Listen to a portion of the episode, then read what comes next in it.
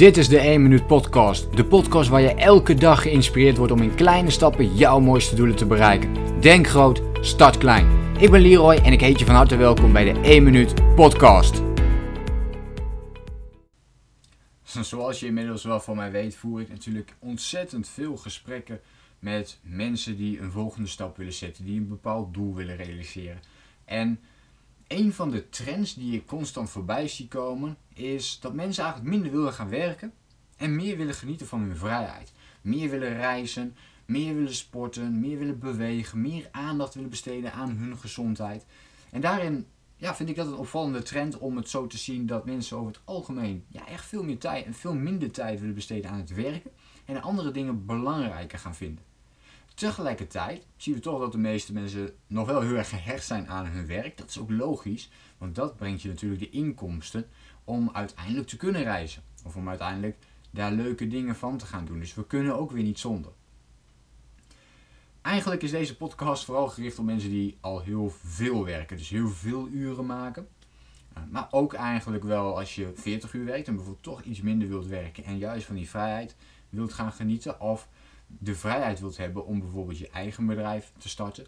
Maar in het algemeen gaat het meer over de ondernemers die 80, misschien wel zelfs 100 uur per week aan de slag zijn. Die gewoon non-stop van ochtends tot avonds um, aan de slag zijn, in de weekenden nog bezig zijn. Het over het algemeen ook nog leuk vinden om het te doen, maar toch ook wel graag iets meer rust willen hebben. En zo voerde ik de afgelopen week ook een mooi gesprek met iemand die heel veel aan het werk is, maar veel meer vrijheid wilde. Ook als doel had om over een aantal jaar gewoon een hele mooie reis te kunnen gaan maken. Zonder dat hij nog bezig hoefde te zijn met zijn bedrijf. Dus dat hij losgekoppeld was van zijn eigen bedrijf. En daarvoor hebben we kleine stapjes ondernomen. Om te gaan kijken van oké, hoe gaan we dat realiseren? Wat gaan we daarin doen? En tot de conclusie uh, kwamen we om nu eerst is. Hij werkte dan, nou laten we zeggen, zo'n 80 uur per week. En hij wil heel graag over 10 jaar, zou hij heel graag 25 uurtjes nog willen werken. Eh, dat hij nog wel wat actief moet zijn, eh, maar dat hij daar niet meer de hele tijd hoeft te zijn. En dat is een mooie stap. Hè? Dus hij heeft dat ook heel mooi verspreid. Dus dit is vrij realistisch hè? om dat in 10 jaar bijvoorbeeld neer te gaan zetten. Waarschijnlijk kan het zelfs wel wel sneller. Maar op deze manier hebben we het mooi opgesplitst. En we hebben gezegd van oké, aan het einde van het jaar, we hebben daar nog een, een paar maanden voor, dan willen wij in ieder geval dat er vier uurtjes afgaan. Dat, dat was wat hij graag eh, zich had voorgenomen om die vier uurtjes eraf te halen.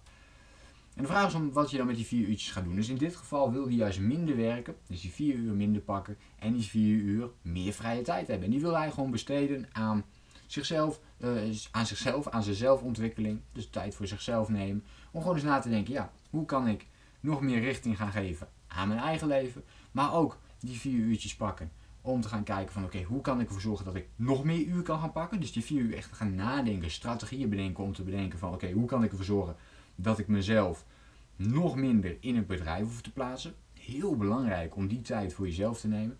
Maar wat het ook maar is voor jou, zou jij op wat voor methode minder kunnen gaan werken, terwijl jouw resultaten, jouw inkomsten gelijk blijven. Dat is een belangrijke standaard bij hem. Hij wilde wel minder werken, maar dan moesten de inkomsten wel gelijk blijven.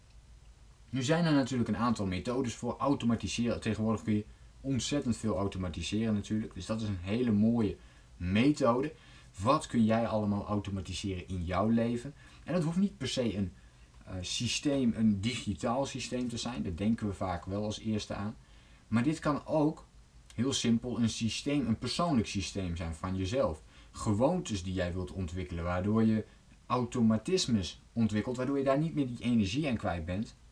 De hele tijd dezelfde problemen hoeft op te lossen, omdat je er een gewoonte van hebt gemaakt om bijvoorbeeld heel helder te communiceren. Dus het eerste bericht heel lang te maken, of heel sterk te maken in ieder geval, dat meteen duidelijk is voor de ander wat hij bedoelt. Terwijl je nu misschien altijd heel snel een mail typt en zo nog tien keer heen en weer gaat. Jij moet tien keer je mail openen, enzovoort, enzovoort. Dus dat kost heel veel extra tijd. Dus ook dit soort hele kleine, simpele acties, wat ogenschijnlijk geen enkel effect heeft als je het uh, niet zo verandert, maakt dus een enorm groot effect als je dit constant doet en als je dit dagelijks blijft doen. En deze persoon beantwoordde bijvoorbeeld ook zijn mail gewoon 24 uur per dag zo'n beetje. Dus die, iedere keer als er dan weer mailtjes komen, uh, kijkt hij op zijn mail, is hij er weer mee bezig. Ook dit kun je weer standaardiseren door te zeggen van, goh, ik beantwoord nog één keer per dag mijn mail. Of misschien wil je het eerst op twee keer doen. Of eerst op drie keer per dag. Als je de hele dag je mail beantwoordt, dan is het moeilijk om daar meteen één keer van te maken. Dus maak er eerst eens drie keer op een dag van. Eén keer in de ochtend, middag, avond misschien. Als je ondernemer bent. En maak er daarnaast twee keer van. Op vaste momenten. Bepaal ook die momenten dat je er wel voor jezelf op mag kijken. En dat kan al een grote effect gaan maken. Om juist minder te gaan werken, toch dezelfde resultaten te gaan bereiken. Dus kijk welke dingen je daarin kunt automatiseren, wat voor systemen je kunt ontwikkelen om daarmee aan de slag te gaan. Welke systemen of welke gewoontes heb jij al ontwikkeld waardoor jij nu al weet van hey, ik boek gewoon extra tijd omdat ik dit nu heb aangepast voor mezelf.